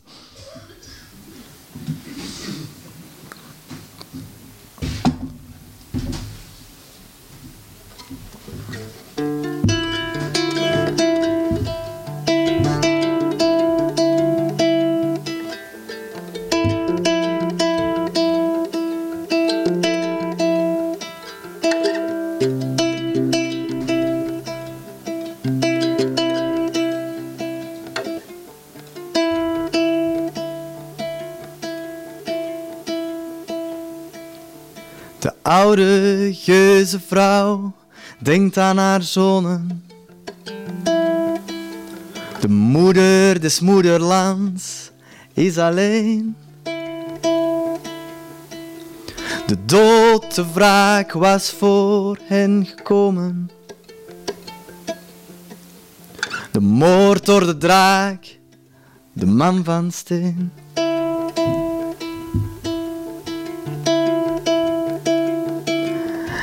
In de citadel lag de geus, verpletterd onder de voeten van een reus.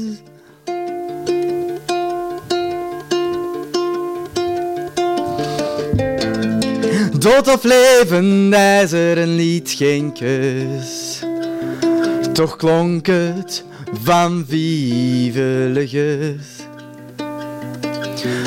van bloedraad aangedaan door ingenieus. Nog altijd zong ze stil van vive le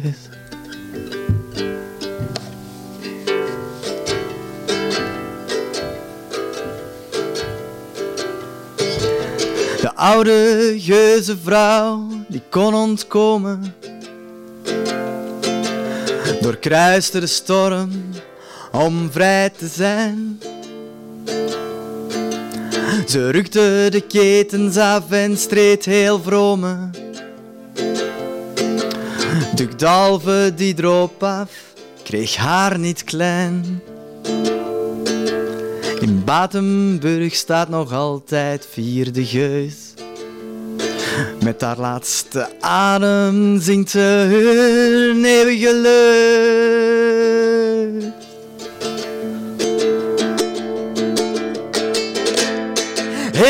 Opstand, dat was haar keus. Ze mijmert van vivelegus. Ze laat de trommelen slaan, de woorden staan van dieren dus. Voor altijd, voor eeuwig, vivelegus. Voor altijd, voor eeuwig, vivelegus. Voor altijd, voor eeuwig, vivelegus. Voor altijd, voor eeuwig.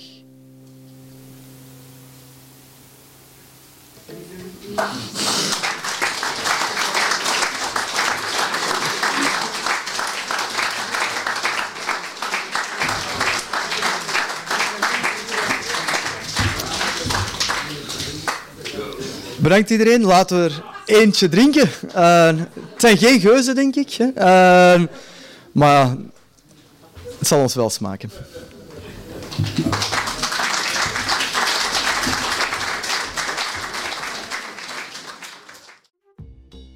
Je luisterde naar een podcast van de Erfgoedbibliotheek Hendrik Conscience.